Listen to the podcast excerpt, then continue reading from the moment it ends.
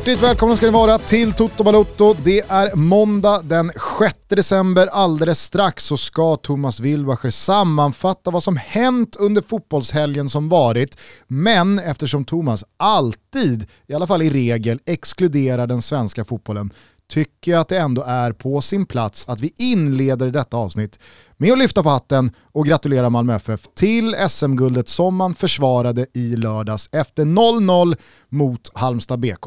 Mm. Jag såg ju den matchen på plats.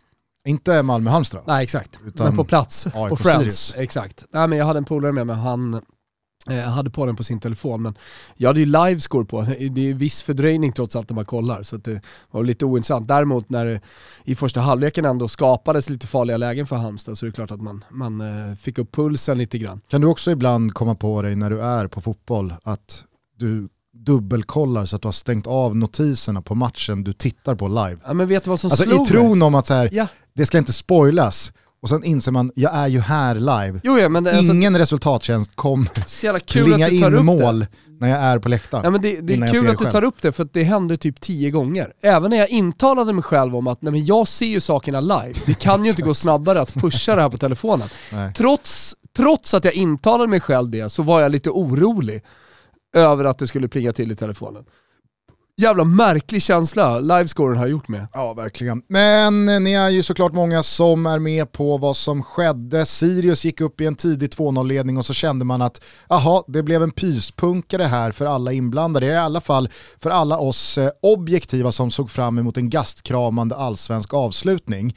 Men eh, Gnaget eh, vände ju på den där steken och ledde tidigt i den andra halvleken. Således så var det ju hela tiden ett mål ifrån att guldet eh, flyttade från Skåne till Stockholm.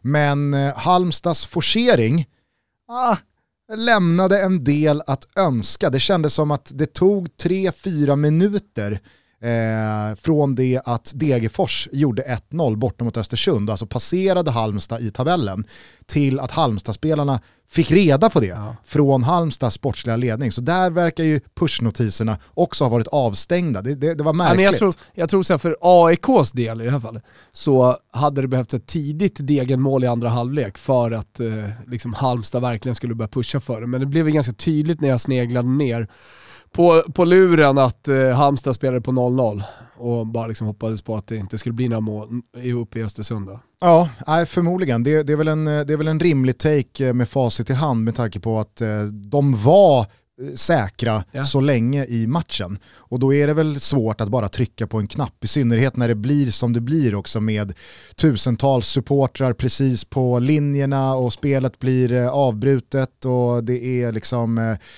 ja, men en, en ganska dålig plan, det är kallt, Malmö, jag menar Malmö har ju liksom, de, de kommer ju inte vika sig för någonting Nej. där. Så att, nej, det, det, var, det var i alla fall eh, en, en jävla härlig avslutning måste jag säga på den här allsvenska säsongen, att man fick uppleva dramatiken och eh, helt ärligt så, hur jag än liksom vrider och vänder på den här tabellen och på den här allsvenska säsongen så tycker jag att Malmö är värdiga mästare. Ja, jag säger ingenting emot det. Sen är det fantastiskt att man som AIK-supporter ändå fick drömma i 90 plus eh, 7 eller vad det nu var nere i Halmstad. Och man såg spelarna stå i ring nere på planen. Att det ändå blev en avslutning där det fanns en möjlighet, där det var som du säger, ett mål ifrån. Nu var det aldrig riktigt nära, men ett mål ändå ifrån att, eh, att eh, guldet ska liksom skifta plats. Och som neutral supporter är det klart att det fanns, så, som du tänker, fanns det väl ändå lite puls i alltihopa. Ja, jag såg Så jag- ju den jag här ju bara allsvenska upplösningen med eh, Discoverys demonproducent, OS-generalen John Witt Ja. eh, hemma hos oss och eh, han är ju stor Djurgårdssupporter. Ja. Så att han, Alltså, det fanns känslor på alla håll. han jobbade ju emot, jag, jag har ju berättat om eh, den allsvenska upplösningen 2019 som jag bevittnade tillsammans med Jesper Hoffman och Kristoffer Kviborg och att jag aldrig har sett en så rå och ren glädje i några ögon som i Hoffmans när Norrköping gör både 1-0 och Vilka- 2-0 på Djurgården. Alltså och sen, det är känslan som kom sen då? Aj, aj, aj. Tom, tomheten Ja. och, och fålögdheten. Och, det, var, det, var, det, var, det var starkt att bevittna på nära håll. Nej, men ibland så är det väl sådär att rivaliteten, i synnerhet i den här stan, jag vet inte hur det är att leva i, i Göteborg eller i Malmö eller någon annanstans i Sverige, men i den här stan är det ju så jävla påtagligt ibland att det är viktigare i vissa avseenden för djurgårdare att det inte går bra för AIK och vice versa. Och Bayern är, liksom, finns Nej, med här, i den där ekvationen också. Kan man själv inte vara med och kriga om medaljerna eller om guldet, ja då är det i alla fall viktigt att det inte blir en statskonkurrent som vinner. Nej, så att eh, Vitt spenderade ju större delen av andra halvlek ståendes eller sittandes bakom min fåtölj och bara liksom jobbade bort Gnaget-guldet. Mm.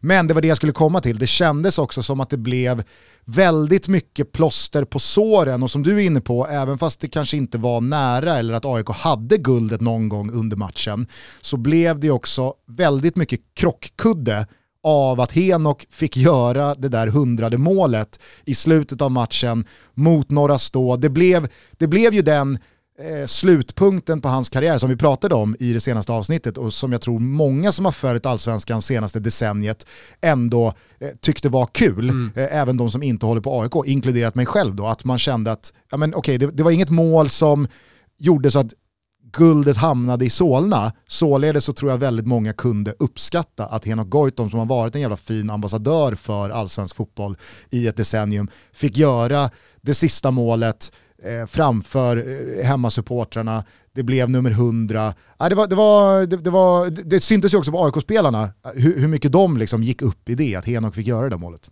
Ja, men exakt, när han tog sitt ärovarv så gick ju hela truppen bara bakom honom och, och, och applåderade, precis som de var en del av publiken. Ja, men och sen precis när det görs, alltså, Lustig håller ju på att flippa ur och Sebastian Larsson som slår frisparken, han hoppar ju och skuttar. Det är så roligt, när Henok kommer in, då var ju alla medvetna om att alla bollar på Henok. Och så var det några fasta situationer, någon som hade missats eh, och sen så till slut så kommer det perfekta inlägget och han får ju verkligen krama om eh, Sebastian Larsson som slår det perfekta inlägget till honom.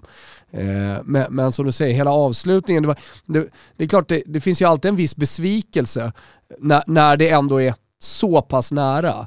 Men eh, så, jag, jag, jag, sa det till några där, alltså hade någon för fem omgångar sedan sagt till mig som AIK-supporter att eh, du kommer få vara med och drömma om guldet hela vägen in på stopptid, i den sista omgången och Djurgården kommer inte vara ett av de lagen som är med. Då är det klart att man har köpt in sig på liksom, det scenariet. Ja, ja. Eh, så, så det det, det, om AIK dock hade vunnit, för man vet ju, hade det varit 40 omgångar i Allsvenskan, då hade AIK bara lett den 30 omgången. Och så hade det inte varit någon mer första platser. Nej. Så det hade ju varit eh, en smash and grab, eh, ett smash and grab SM-guld utan dess like kan jag tycka. Ja. Nej men och, och jag menar, hade det där slutat med att Halmstad brunkar in 1-0 mm. i 93 och att Henok då får göra det sista målet, nummer 100, Nej, men, eh, ju... och, och, guldet liksom mot alla alltså, odds Det fanns ju ändå där säkrats. upp till 90 plus 7 och det är någonstans då det som var det, det nice. det hade ju blivit, liksom, det hade blivit psykos. Alltså det, men... jag, jag tror, Inget går, jag tror det inte går att, inte att toppas. Du hade inte suttit här idag. Om Nej, det, det hade möjligt. skett för 48 timmar sedan. Var hade jag suttit någonstans? Häktet. Ja. Kronan.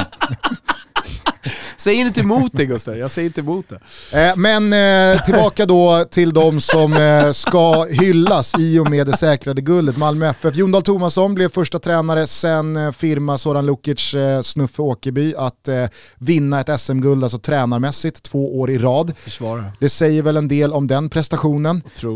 Att man dessutom gör det under en höst där man har gått in i Champions League och säkrat en jävla massa pengar men på det fått slita ganska mycket hund och fått en del käftsmällar av eh, världslag eh, på löpande band och spelat en jävla massa fler matcher än guldkonkurrenterna.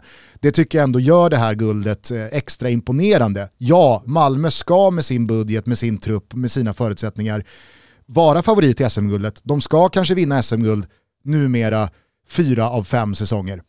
I alla fall inte mindre än tre eh, av fem säsonger. Det, det, det, det, kan man ju inte liksom, eh, gå med Nej. på om man ser Jag har varit inne på det så jävla mycket så jag vill bara förstärka det också, att det går inte att köpa sig till den överlägsenheten heller i allsvenskan. Det går att köpa sig till en viss överlägsenhet, eh, men, men eller snarare liksom att man skapar sig konkurrensfördelar. Absolut. Att man, att man har en starkare, bredare trupp, men spetsen, det är det, jag tror det är snarare den. Det är svårare att hitta den spetsen som gör enorm skillnad och därför så vill jag liksom, eh, hålla, hålla Jonald Tomassons liksom försvarade SM-guld som den största tränarprestationen. Ja men absolut, och jag har alltid liksom köpt, köpt in mig på det du menar.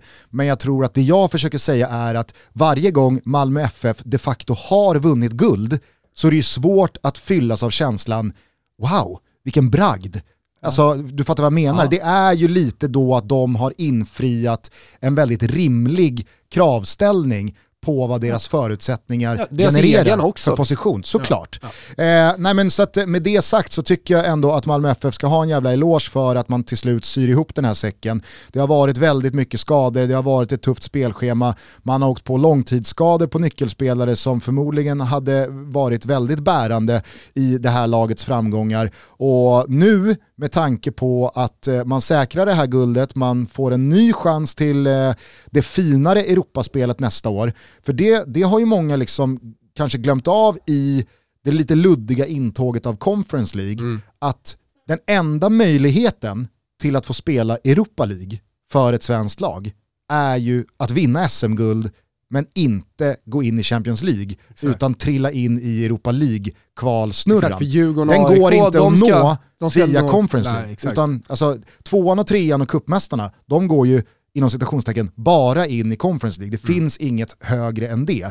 Och det har ju Malmö mer eller mindre eh, liksom, tydliggjort den här hösten att Champions League, otrolig eh, ekonomisk kassako, men rent sportsligt så kanske det passar oss bättre att spela i Europa League för att där kan vi hävda oss på ett helt annat sätt sportsligt. Vi kan faktiskt gå vidare från gruppspelet, gå in i slutspelsfasen efter eh, nyår och så vidare och så vidare. Och det är ju faktiskt numera den enda möjligheten att också vinna SM-guld för att ta sig dit. Eh, så att, eh, nej... Eh, Tröst, tröst, tröstpresenten Europa League är inte så dålig. Jag ger Buxingen, det rullar bara på vårat enormt fina och kärleksfulla samarbete med Rauta. Nu i december så vill man ju pimpa till det lite extra hemma och få julfint och vad passar inte bättre då än att pimpa upp huset med massa ljus, både inne och ute. Hos K-Rauta hittar man allt man behöver för att liksom slutföra byggprojekt innan jul, både inomhus och utomhus. Och i det slutförandet så vill man ju se till att ljuset är fint. Jag älskar ju under de här mörka månaderna att fixa till trädgården med en massa härligt LED-ljus och ja, men göra snyggt i någon buske med, med, med ljusslingor och sådär. Och jag vet att det är många som lyssnar på det här som säkert har balkong. De ser man ju till att eh, snygga till också med grejer från K-Rauta. Men ni som inte riktigt har hunnit klart, ja men måla klart den där väggen nu. Spika fast de där listerna runt golvet som ni kanske sket i. Och sen kan ni njuta av julen fullt ut. Glöm inte bort att bli medlem i Koratas kundklubb också. Där tar man del av väldigt många fina erbjudanden. Vi säger Kitos!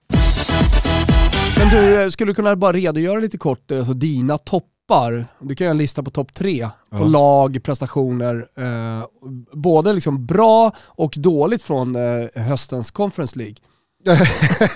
eh, nej men eh, alltså dåligt är väl ändå, alltså ingenting kommer väl toppa alltså, enskild match. Eh, Romas kölhalning uppe i, i Nordnorge, det var Conference League. eh, men eh, överlag så är det väl tot, alltså Tottenham eh, ja. bommar väl ja, avancemang i, i Conference League. Är det så?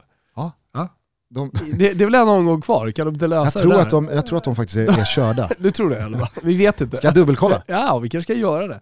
vet att Napoli, är inte de med i Conference League? Nej det kanske de inte är. Nej de är i Europa, Europa League med ja. Leicester och... Du ser, fan man blandar ihop det här. Mm.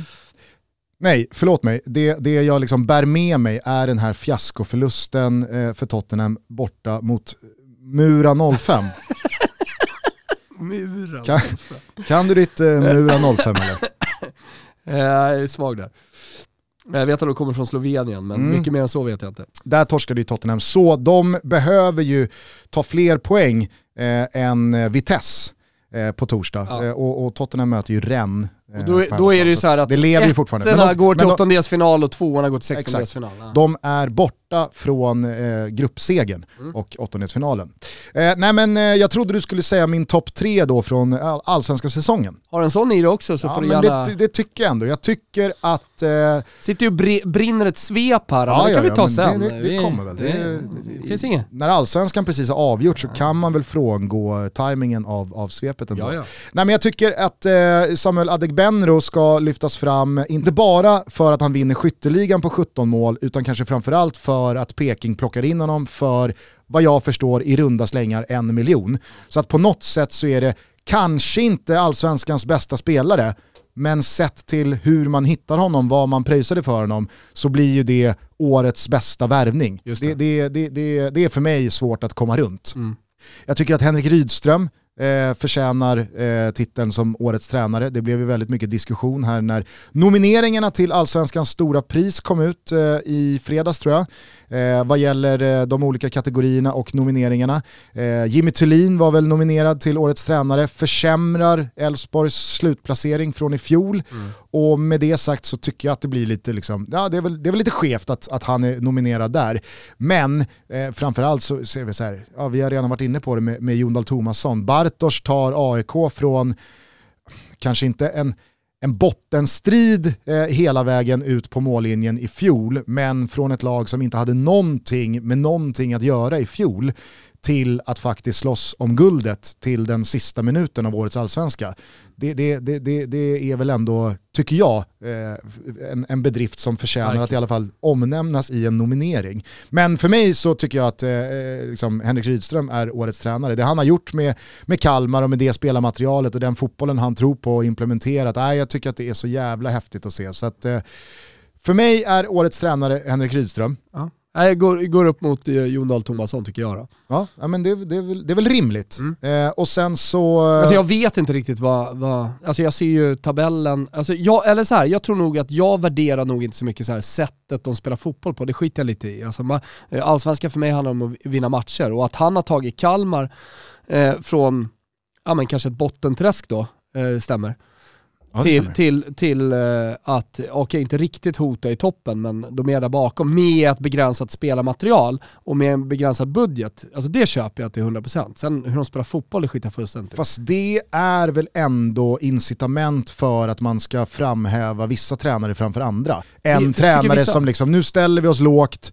eh, vi, vi, eh, vi ligger rätt i zonerna, skicka upp Hade den. han gjort det och hamnat på sjätte plats med 41-39 målskillnad och haft 47 poäng, så, eh, med en annan typ av fotboll så hade jag tyckt att det var lika stor bedrift. Det hade inte gjort någon skillnad. Jo, De fast, nyanserna finns Fast det vi ser här är ju Henrik Rydström ta ytterligare ett kliv mot, ja men tror jag, en ganska så eh, jävla stark position inom svensk fotboll. Eh, för ganska lång tid framöver. Nej, men jag tror absolut att toppklubbar tittar på Henrik Rydström och sättet de spelar fotboll på för att det kanske passar dem. Men, eh, men för mig som neutral, bara, bara liksom följer allsvenskan, så lägger jag ingen värdering i hur man liksom tar sig till de olika placeringarna.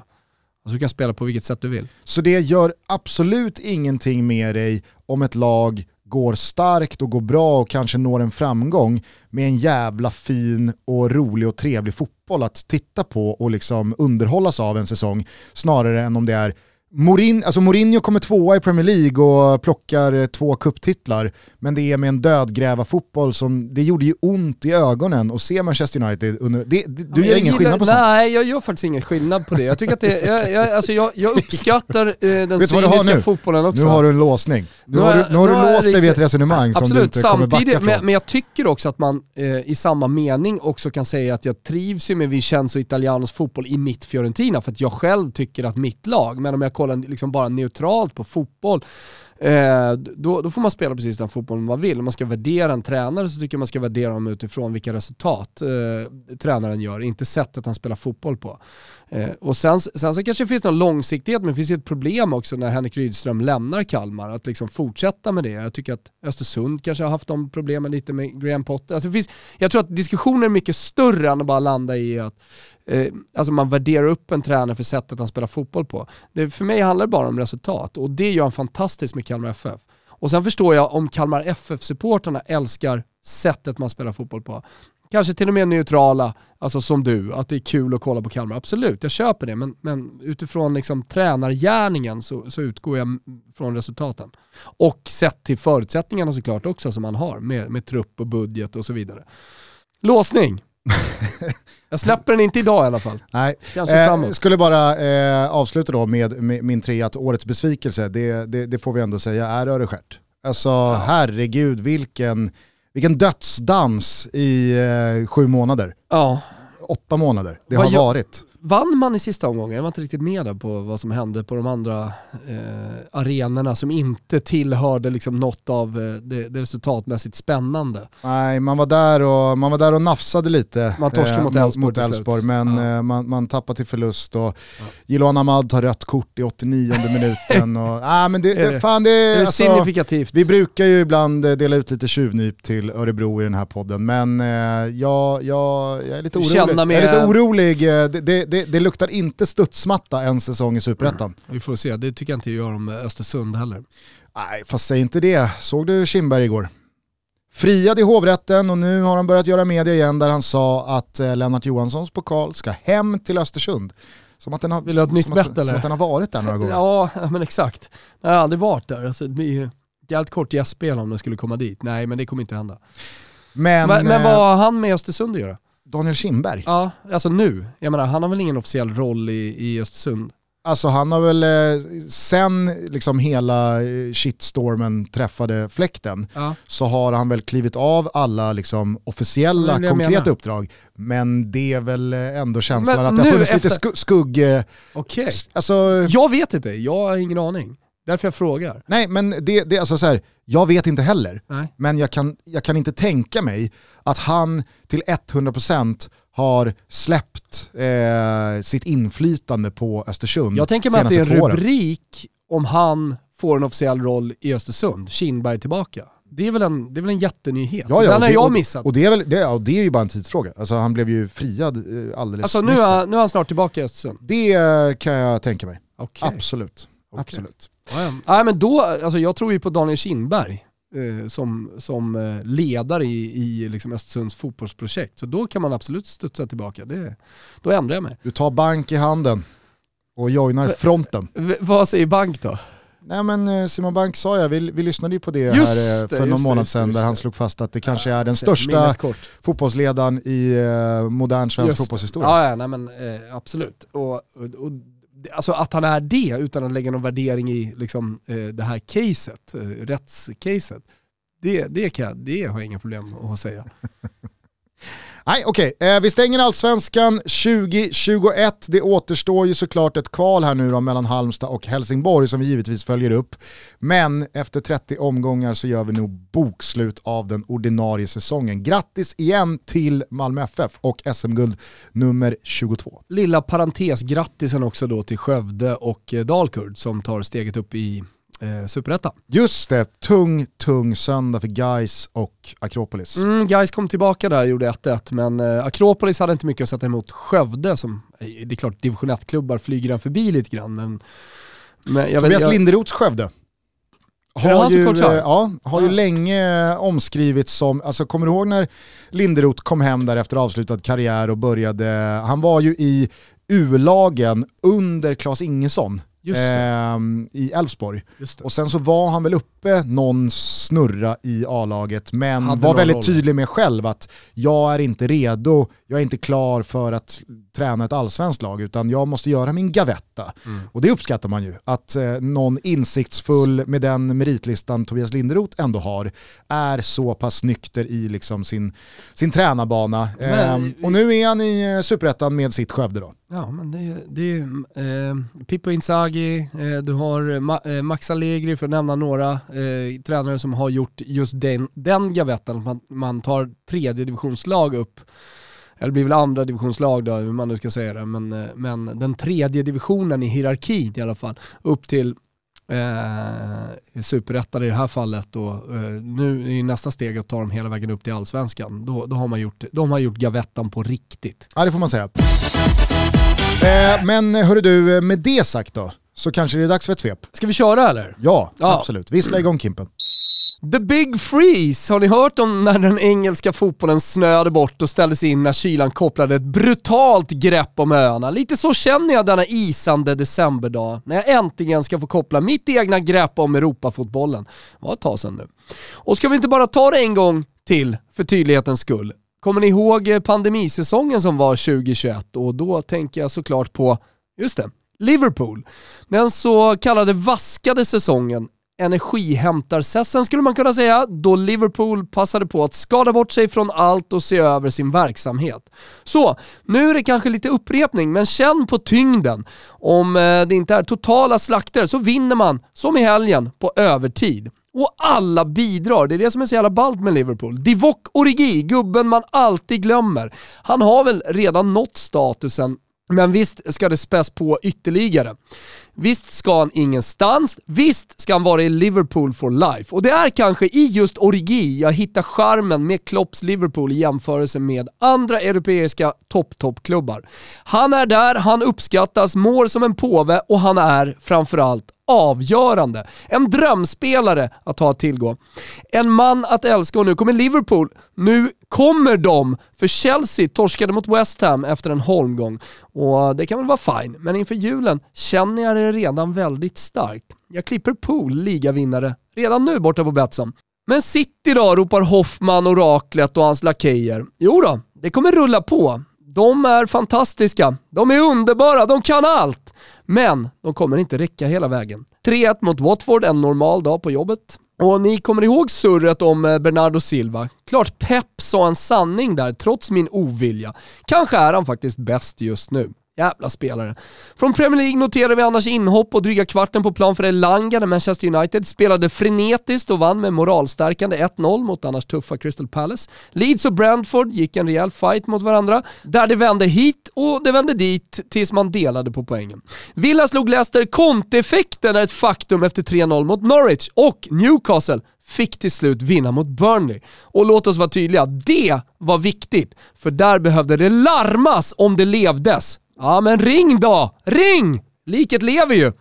Nej, nu räcker det med PL-boll. Till Spanien där toppen fortsätter att vara jämn, för Barcelona förlorade mot Betis efter en bättre period. AM förlorade hemma mot Mallis och Real Sociedad åkte på 2-0-pumpen hemma mot Real Madrid.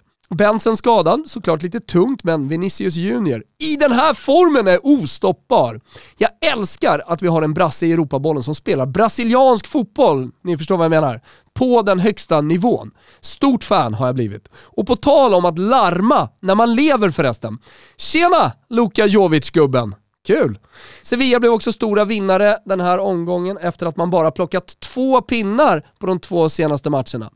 Men det är åtta 8 poäng upp till Real Madrid. Och i Spanien kan man faktiskt köra prisceremonin redan till jultapasen. En patatas bravas och en ligakoppa till Madrid. Tack för det. Italy då? Jo, men ser ni Inter? Har ni sett Inter? Simone Inzaghi har till slut fått fart på sina mannar och nu flyger de.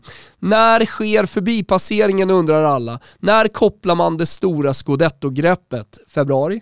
Tidigare? Eller kan Milan och Napoli stå emot? Ska vi räkna med Atalanta? Helvete vad frågor. Låt oss reda ut det sen. Klart är att supportrarna i Rom har börjat använda engelsk retorik kring Mourinho och att Fiorentina faktiskt på riktigt ser ut som ett Europalag igen. Vincenzino Italianos lag spelar sådär härligt prandelianskt fiorentinskt och det är helt underbart. Vi konstaterar också att allt kanske inte är toppen i Juventus. Mm. Men Max Allegris varma, taktiska, tunga hand på det här laget har börjat ge resultat. Ingen drömfotboll, men det ska det heller inte vara när Max gäng lirar fotboll. Vi skickar eh, Genoa till tippen och Cheva tillbaka till Ukraina. Vi skickar Salernitana till Serie B och börjar se The Big Escape 2022. Jag pratar såklart om Cagliari. Se det hända. Alla räknar bort dem nu, men de kommer. Den stora flykten, ja, den kommer. Och på tal om flykter, i det stora, kanske lite bortglömda Veneto-derbyt mellan Venezia och Verona blev Giovanni Simeone stor hjälte när Helles vände ett omöjligt 0-3-läge och vann med 4-3. Serie B, Venezia. Serie B. Jag tänkte avsluta med att Foppen har fått en ny tränare och att PSG fortsatt ser lite ut som en påse skit. Men jag lämnar svepet denna kylslagna måndag med att hylla Maurizio Sarri. Japp. Gubbar som är genuina och fotbollskunniga bortom rimliga nivåer behövs inom fotbollen. Hans röst behövs och hans Lazio är stundtals underbar att kolla på. Så, det var allt. Det är slut Gugge. Och ni sätt inte kaffet i halsen nu, utan omfamna nu bara detta. Vi är nämligen sponsrade av Lace Laboratory. Årets julklapp till din käresta, till din älskarinna. Vad vet jag? kanske också till din syster om du är mer lite lagd åt Neymar-hållet. Ja men skäm bort din flickvän med sköna underkläder som passar vid alla tillfällen. Lace har paketerat en snygg och lyxig julbox just nu som är redo att ges bort liksom direkt, enkelt, snabbt och smidigt. Ni behöver inte fundera, vad ska ni köpa till er bättre hälft? Varje storlek stretchar upp till 150% från sin ursprungliga storlek, känn på den bara. Så välj den storlek som hon brukar ha och sen så kommer det garanterat bli rätt. Skäm bort din tjej, överraska henne med en ny uppdaterad tros garderob. Och jag kan bara säga det, vad är Lace? Jo men det är en digitalt underklädesbolag som grundades 2018 av Felicia och Feji. Och det är snygga och bekväma spetstrosor, sexiga, härliga, coola. Och de kommer direkt hem till er i brevlådan. Ni behöver liksom inte ta er någonstans för att köpa detta. Så varför ska man rucka på kvalitet, design och pris eh, för att känna sig bekväm och välklädd? Hörrni, ta tillfället i akt. Just nu är det 15% på hela orden med koden TB15. TB15 alltså, lacelaboratory.com. Skäm bort er flickvän, handla nu. Vi säger stort tack till Lace Laboratory. Det är ändå lite anmärkningsvärt tycker jag att Jesse Marsh rök. Man gjorde igår. Ja. Från Leipzig. Vi pratar så jävla mycket om honom. Succé-amerikanen som tagit steg för steg inom Red Bull-koncernen och eh, deras filialer. Gjorde ju eh, stor eh, succé och fick sitt europeiska break när hans Salzburg charmade alla med Håland i spetsen och Minamino där bakom och det var något brandtal på Anfield och de bara körde. Tog över efter Nagelsmann till den här säsongen. Förvisso blev han av med eh, ganska så eh, tunga spelare i eh, form av eh, Upamecano och eh, Sabitzer. Men eh, det har varit alldeles, alldeles för många matcher som har varit alldeles, alldeles för dåliga. Och nu rök han. Jag kände igår, bluff. Ja, nej, jag vet. Alltså det, det är någonting... Alltså jag får en känsla av att han har tappat det. Alltså, men jag, jag, verkligen tappa huvudet, börja skälla, bli sur, bli stressad. Jag hängde lite med Peter Wettergren igår. Eh, ah. Vi lottade ju eh, först Svenska Kuppens gruppspel, jag, Peter Wettergren och Hanna Marklund. Och sen så var Wettergren med i eh, Fotbollssöndag Europas införstudio. Just det, jag missade införstudion. Kolla, Går att se i efterhand. Mm. Gå och se det i efterhand i 48 timmar. Ja. Men hur som helst, då eh, kom den här nyheten och så satt vi och pratade lite om det. Och jag, jag vill verkligen inte hänga ut Wettergren här att han sa att Jesse Marsh var en bluff. Men jag fick lite känslan av att när han hade liksom studerat Jesse Marsh, han hade varit nere på något studiebesök mm. eh, och eh, Emil Forsberg hade vittnat om eh, någonting liknande, att vi, vi pratar bara liksom pressspel. Och jag tycker att Martin Åslund sa någonting jävligt bra i Premier League-studion igår inför Ranjiks första match som Manchester United-tränare. Att ja, absolut så, så är liksom pressspelet den kanske viktigaste grundpelaren i den tyska fotbollen som har gått så starkt här senaste decenniet. Men det som skiljer Klopp och Tuchel och de tränarna från de som bara tror att det handlar om pressspel det är att vad gör man med bollen då när man väl vinner den? Alltså, mm. Det finns en idé bortom pressspelet. Mm. Det är inte bara liksom, nu tutar vi och kör och så vinner vi bollen och så löser det oss av sig självt. Jag fick lite den känslan att liksom, där, Jesse Marsh har inte riktigt funderat ut vad gör vi med bollen sen när vi har vunnit den, utan det handlade i princip uteslutande om att bara liksom gasa, gasa, gasa, vinn bollen och då kanske det faktiskt är så att i MLS och sen då i österrikiska Bundesliga, att då räcker det med att vinna bollen för du har den individuella skillnaden i spelare som Haaland, Minamino och spelare som han har jobbat med där för de pengarna som man kan värva in spelare. Att tar vi bara bollen, då har vi liksom individuell skicklighet att straffa våra motståndare så pass många gånger att vi kommer vinna majoriteten av matcherna. Komma till Bundesliga, då jämnas ju liksom eh, med de spelartappen som eh, Leipzig har haft här, så jämnas ju de skillnaderna ut mot Bundesliga-lag. Och inte minst i den Champions League-grupp man hamnade i med Manchester City, PSG och Club Brygge. Och då kanske man blev lite synade också i att så här, jaha, vad är idén då när vi, när vi faktiskt vinner den där bollen? Så att, eh, nej. Jesse Marsh, och, och, och. Leipzig, eh, Leipzig har man ju känt också, eh, deras, DNA och allting som de har byggt upp är ju ett fröjdigt anfallsspel. Alltså, det, där det är väldigt fantasifullt och man fyller på med många spelare. Och, och det har man ju verkligen, det, det, det, det har man ju missat. Jag får ni, nästan lite såhär Norling-känslor när han skulle ändra allting i AIK och det bara föll. Det gick inte. Eh, Om taktiken var fel eller om det var fel spelare, jag har ingen aning om, men det föll. Och det är lite, lite samma totala haveri som det har blivit med Jesse March i Leipzig. Ja. Ja, det blir eh, spännande att se hur han studsar tillbaka från det här, var han landar. För jag tror att om det, liksom, om, om det blir en bombning till, hem till staterna. Ja. Och kanske är det då vi ser den första sprickan i den här nya amerikanska generationsfasaden. Jesse Den, gnugg, den gnuggar man ju. Ja, ja, det är klart man gör. Att det är bluff över hela Ja, kontinenten. Självklart. Eh, men okej, tillbaks till eh, svepet då. Du ville prata lite Inter, eh, du delade ut en ligabuckla till Real Madrid och eh, Nästan var till Liverpool också. väldigt eh, imponerad av Liverpool, eh, kanske framförallt då för att Divock Origi bidrog med ännu en pusselbit som vittnar om hur jävla bra de är för dagen. Nej, men så här, de har ju behållit den typen av spelare, det jag tycker är härligt med Liverpool. Alltså när andra topp, toppklubbar, du förstår vilka jag menar, och behöver inte vara tydligare. Ja, och det blir ju väldigt... köper eh, hela tiden, så här, bygger på sin bredd och Ja. spetsar sin bredd hela tiden, så har liksom Liverpool behållit sin lilla bredd. Och det där är ju väldigt symptomatiskt för en klubb och ett lag i harmoni när det stämmer att gubbe 16, gubbe 18, när de väl kommer in, då, blir det ett matchavgörande mål. Du nämner ju Luka Jovic här också, som har varit utskrattad egentligen i två och ett halvt år känns det som. Han har inte fått någonting att stämma, han har inte träffat en eh, lada från två meter. Och sen i det här läget, när Benzema går ner efter bara 15 minuter, ja, alltså Ancelotti har ju typ Luka Jovic som enda alternativ. Han kommer in, han är klappkass i 30 minuter första halvlek, han har ju inte ett rätt, han får inte ordning på någonting. Men när allt är över så har han gjort ett plus ett, han blir king of the match och det är liksom så här, det är väl en sån halvlek som förmodligen kan göra att han nu går in från start mot Inter i gruppfinalen av Champions League och i Madrid-derbyt mot Atletico om en vecka med någon slags känsla av att så här, är för fan, nu, jag är tillbaks. det. Ja. Jag är Eintracht Frankfurt-Luka igen. Ja. Och eh, eh, tappa Benson och, och liksom få det självförtroendet på ändå en, en, en grym spelare, det är ju fundamentalt. Men, men eh, jag tror att så här, dela ut bucklor i, i, i jul och så, men åtta poäng. Men fram, det, det, som stärker är ju att alla lag förlorar. Alltså nu i helgen torskade Barsen. de kommer inte få en superordning på sitt lag, kanske för att det är för dåligt spelarmaterial. Men, men eh, alltså de kommer ju också förlora matcher. Alltså det enda laget som jag ser som kan gå ja, men så här, hyfsat rent, det är ju Real Madrid.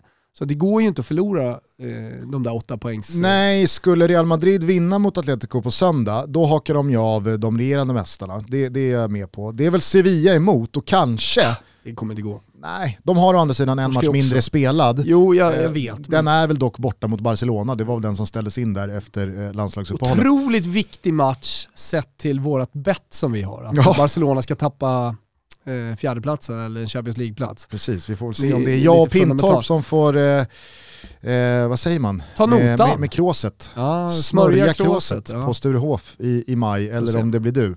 Eh, men eh, på tal om Barcelona och deras förlust där, alltså hatten av till Real Betis. Ja, herregud. Alltså Pellegrini, vilken jävla... Också så här Alltså, tränare vi- som man vil- Vilken gillar. showcase av att gammal är ändå ofta äldst. Ja, men han får ju placeras liksom i Maurizio Sarri eh, facket. Och jag förstod du vad jag menar lite med Maurizio Sarri i svepet? Att alltså, de här genuina fotbollsgubbarna kan också behövas. Jag vet inte om du har varit med på hans utspel här under veckan. Nej, utspelen har jag inte nåtts av. Däremot så tänker jag att jag förstår vad du menar i och med att man dels blev så jävla kölhalade av Napoli för en vecka sedan och sen att man bedrev den där otroliga matchen mot Udinese eh, i, i Midweek-omgången, 4-4.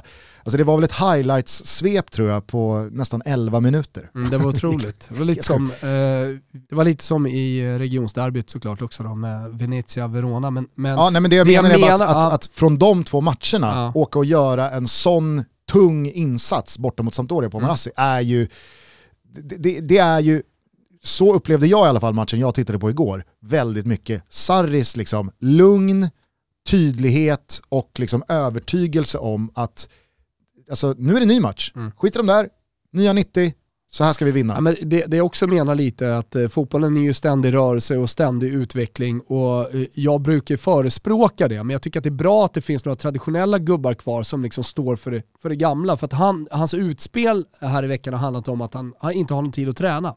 Han sa det så, vi har inte tränat. Nej. Utan vi spelar bara matcher. Allt handlar om att återhämta och anledningen till att vi har släppt in så mycket mål den senaste månaden är för att vi har, vi har faktiskt helt ärligt inte haft tid en enda gång att träna på vårt försvarsspel.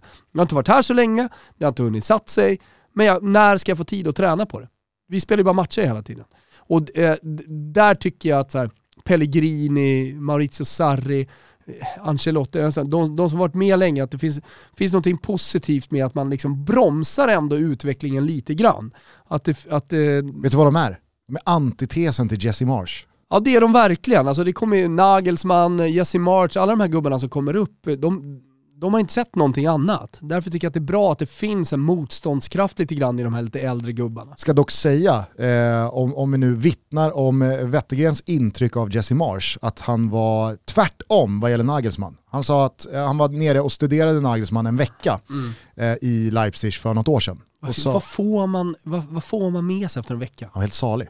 Jo jag fattar att han är helt salig men Alltså att Nag, eh, han sa det, Nagelsmans tydlighet i, Ah, ledarskap eh, han i sin liksom, eh, men, eh, pedagogik och fotbollsfilosofi var något i hästväg. Och det var ganska kul att då berättar Wettergren att Nagelsmann jobbar med, alltså det finns försvarsspel och så finns det anfallsspel och i eh, Leipzig då för ett år sedan, det kanske har förändrats nu, jag vet inte, men då sa eh, Wettergren att han jobbar med, det finns 11 principer ja. i försvarsspel Älskar som han jobbar med. älskar Och så finns det. 11 principer i anfallsspel som Nagelsmann eh, jobbar med. Älskar. Och alla de då, totalt 22 principerna, jobbar han hela tiden med kontinuerligt under året.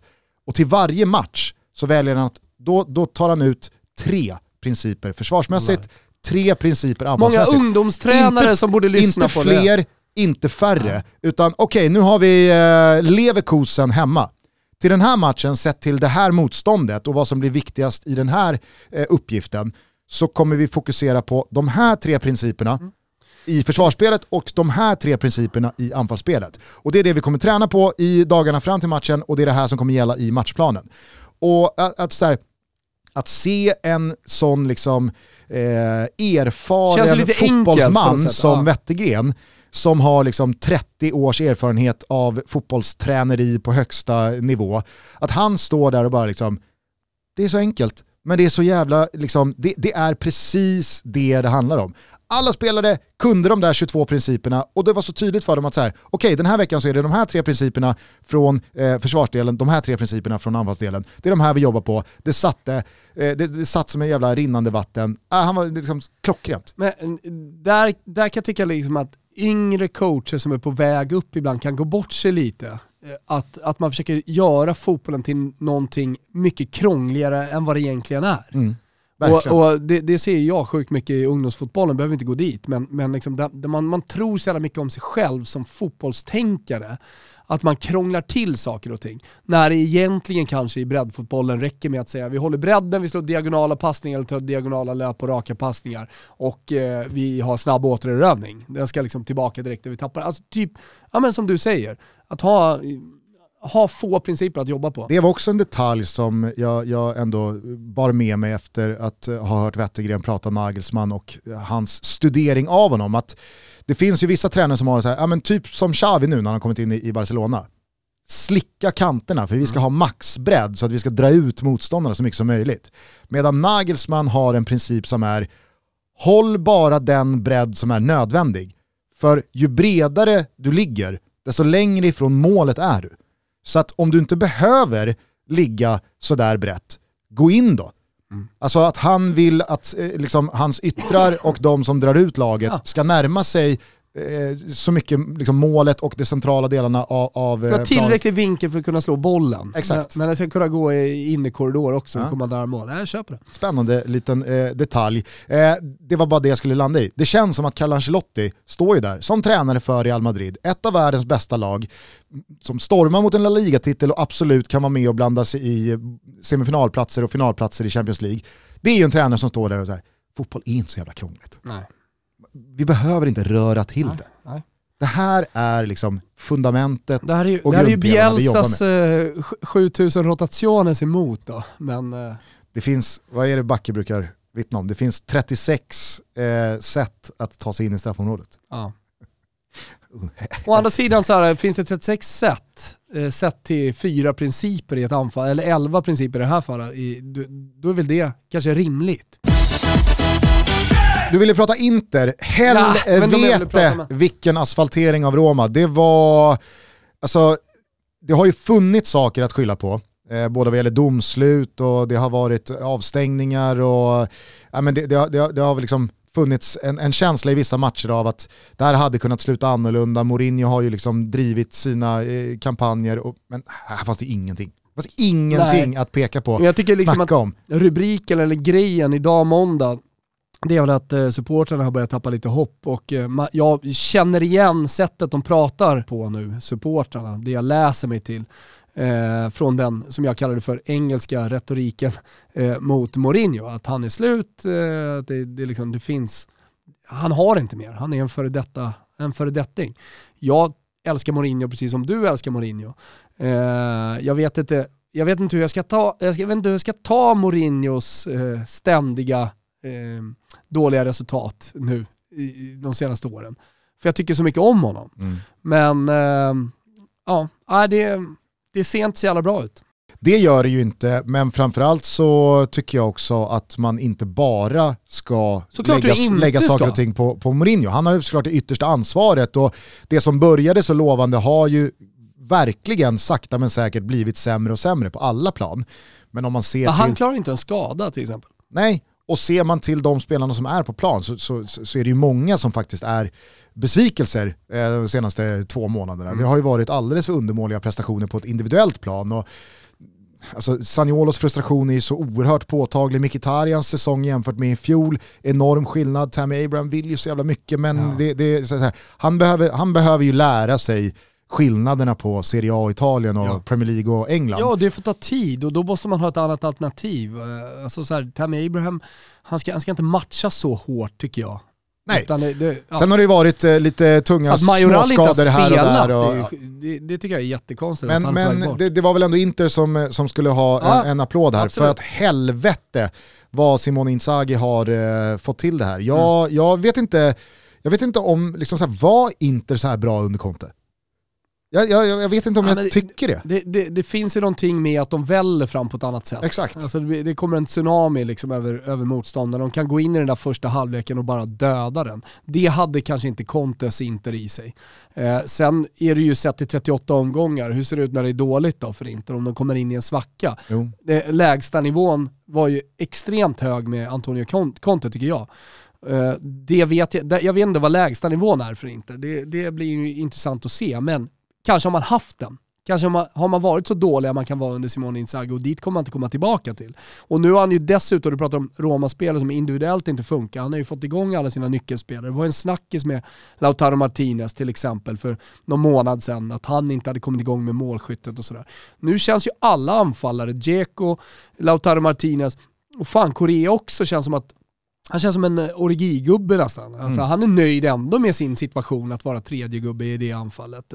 Men, eh, Nej, men sen är ju försvarsspelet fortsatt väldigt stabilt eh, och, och solitt. Jag tycker att Hakan Calhanoglu är ju en pusselbit som har höjt Inter från i fjol. Alltså, den spelaren fanns ju inte riktigt i Inter i fjol. Många kanske liksom så här, ja men han gick in och ersatte Christian Eriksen, men Christian Eriksen upplevde inte jag spelmässigt med den spetsen så som Hakan Calhanoglu ser ut nu i Inter, eh, utan det var snarare ett par matcher där han blixtrade till och kanske framförallt med, med en högerfot på fasta situationer. Men spelmässigt och de poängen han bidrar med nu och den form och övertygelse han spelar med nu, eh, då tycker jag att Calhanoglu har höjt Inter. Och det som man trodde skulle bli sämre i form av exit på Hakimi Lukaku kontra eh, Dumfries och Dzeko in, Alltså, när, när Dumfries bombar fram längs högerkanten som mot Roma så ser han ju ut som den eh, liksom, nederländska landslagsmannen vi, vi liksom såg få sitt enorma break i somras i EM.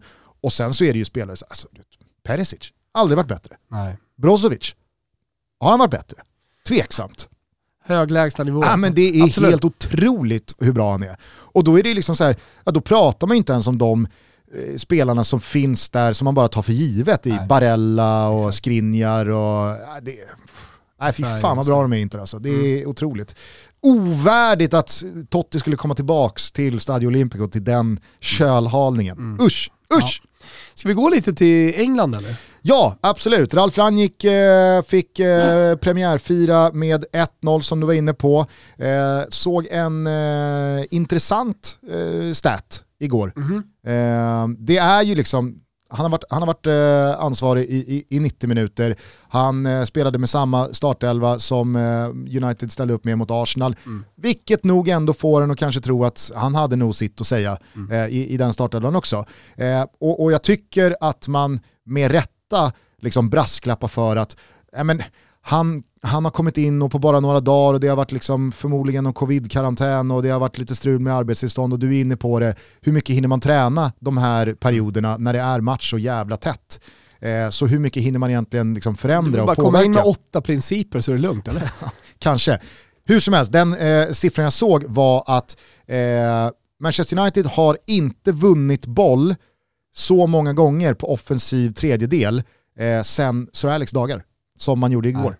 Och det är ju, alltså så här, Det var ju Det- frenesin som jag pratade om lite. precis, och det, det, exakt, det är väl någon slags kombination av att det är det Ralf Rangnick står för och vill, men också förmodligen påeldat av att nu är det en nystart, nu, eh, nu, nu eh, finns det en tro och det finns en energi och nu finns det en, en kraftsamling eh, och, och förmodligen också ett ganska tacksamt motstånd. Alltså Crystal Palace, eh, de, de parkerade ju inte husbilen eller slog upp tältet på, på Uniteds planhalva igår. Eh, men det, säger, alltså, det, är åtta år. Det är på åtta och ett halvt år har inte Manchester United vunnit bollen på offensiv tredjedel så många gånger som man gjorde igår. Och det, det, någonting gjorde det med Ja mig. men det är klart. Det är- Det det Manchester United som alla Manchester United-supportrar har längtat efter. Eh, Ole Gunnar Solskjaer pratade väl om det när han kom, att det skulle bli gamla Manchester United igen. Att de skulle bli sådär tunga, men man såg det inte. Nej, och samtidigt så vet jag inte riktigt, alltså så här, ha- har alla vi gått på myten om Sir Alex United, att det var ett lag som i 15 års tid tokpressade och körde liksom gasen i botten. Så var det ju inte. Nej, exakt. Det fanns ju ganska många och långa säsonger här och där där United snarare var liksom, de, de, de var ju trygga i att liksom blåsa på, ta ledningen och sen så, eh, sen så var ju det ett lag som, som var väldigt bekväma i att liksom äga boll och att de var tunga. Många gånger så var det också så att alltså, Sir Alex lag grävde fram vändningar, kvitteringar och segermål sista tio och Fergie time hit och liksom inläggen från Beckham och Giggs och de är tunga i boxen. Ja, men det, så det, det, det var Alltså, ju... United det var ju inte- nästan det så var- här Beckhams inlägg. Ja men det är det jag säger. Det, alltså, så här, det, det och två anfallare. historien har liksom skrivit om Sir Alex United till typ Klopps Liverpool. Ja, ja men Det var- jag det var är med på det. Åtta vildhundar som bara Exakt. gläfsade i sig. Eh, Ja precis, de spelar inte som Rangnicks lag. Nej.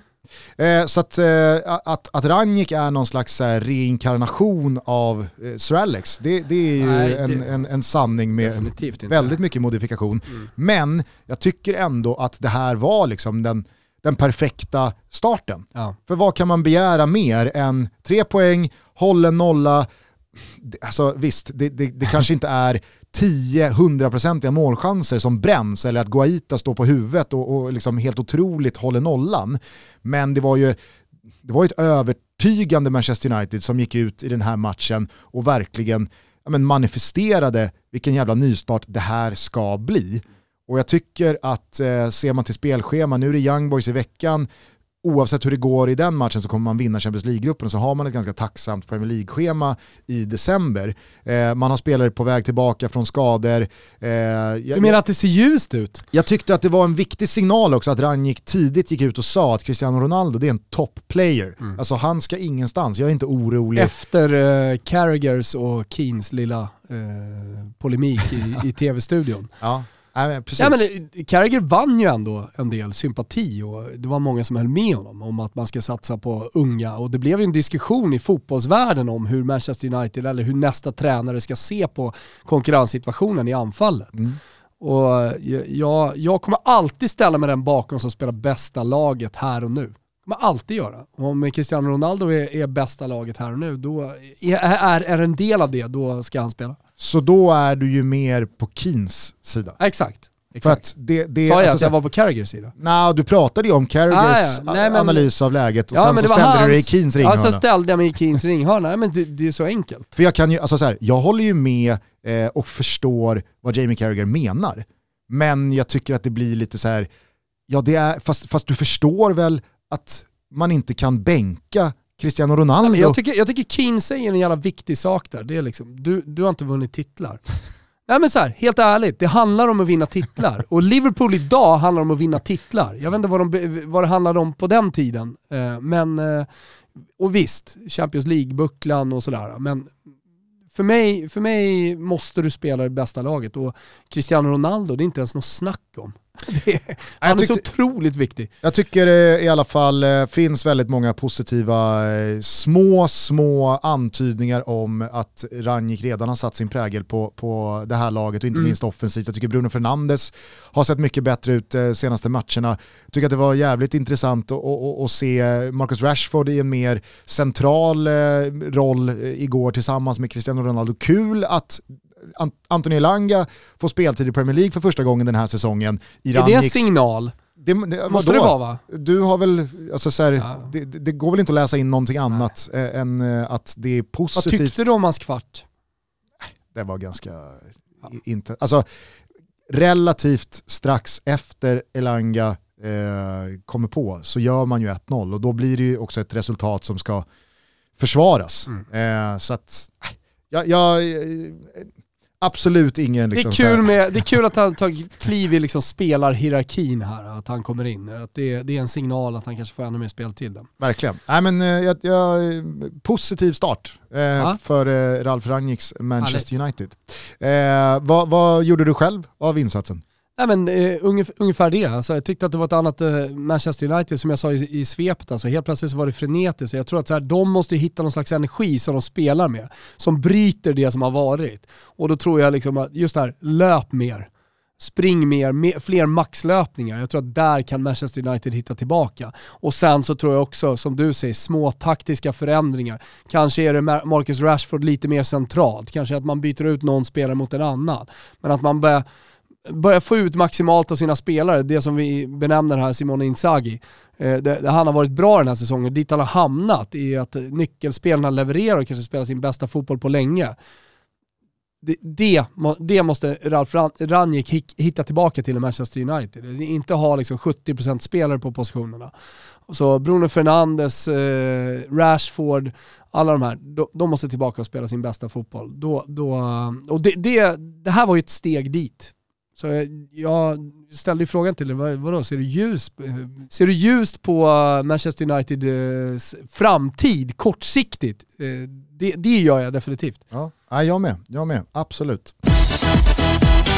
Hörni, vi ska börja avrunda måndagstoto. Vi gör oss redo för den sjätte och sista gruppspelsomgången i Champions League som drar igång morgon tisdag, fortsätter onsdag. Var med oss på Simon när jag öppnar upp studion.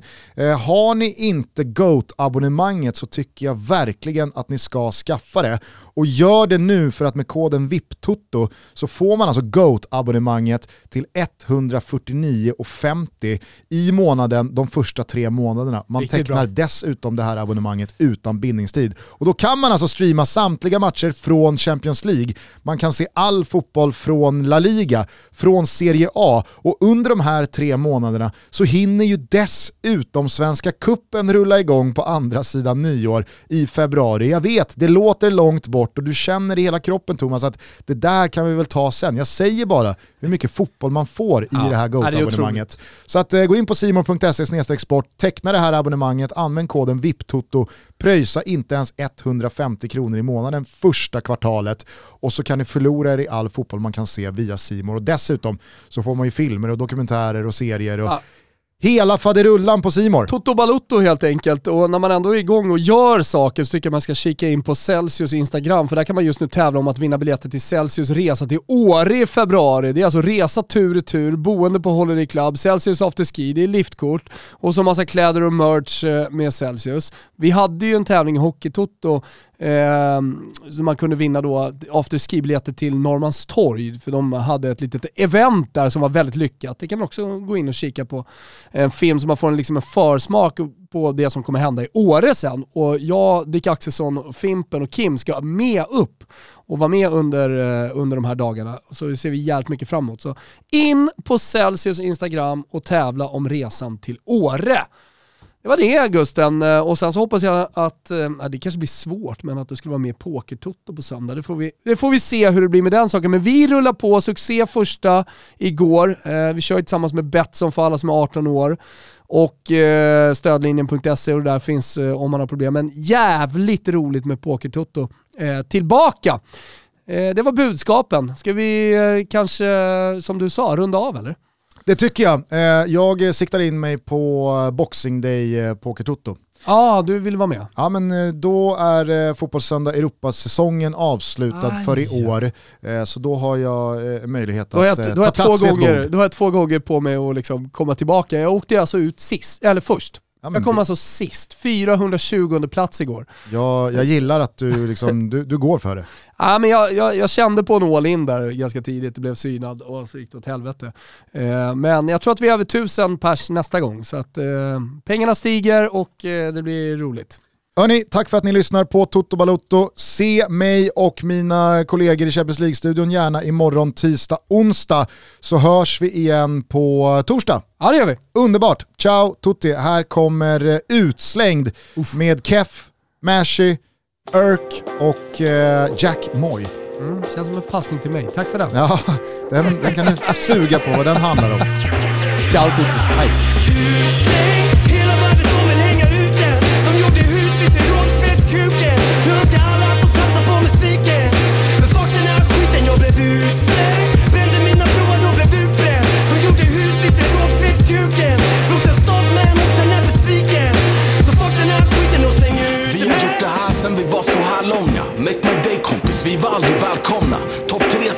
Min debut. Jag går gärna ut med soporna, de måste slängas ut. Du var på tiden man fick blodad tand. Du kom till stationen, jag svär vi stod i vakt. Han har inte pissat rent sen han var 14 bast. Snuten kom, påsen under läppen som en krona white. De ville slänga ut mig, låt mig dricka upp. Kom vi dra till nästa pub. Släpp in mig i värmen, ni kommer brinna upp. För det här är hundratusen timmar, det är ingen slump. Hela världen de vill hänga ut en. De gjorde hus i sin rågsved kuken.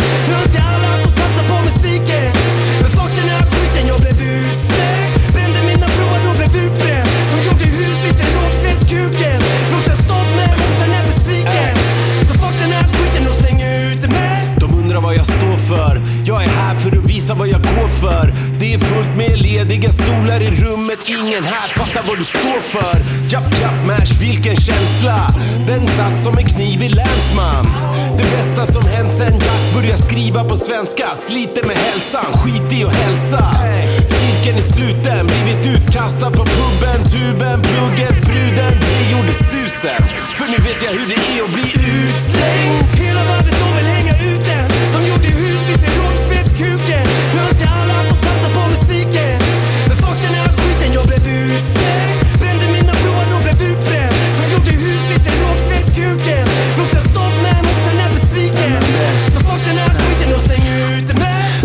snacka i stugan. What the fuck är det snuta?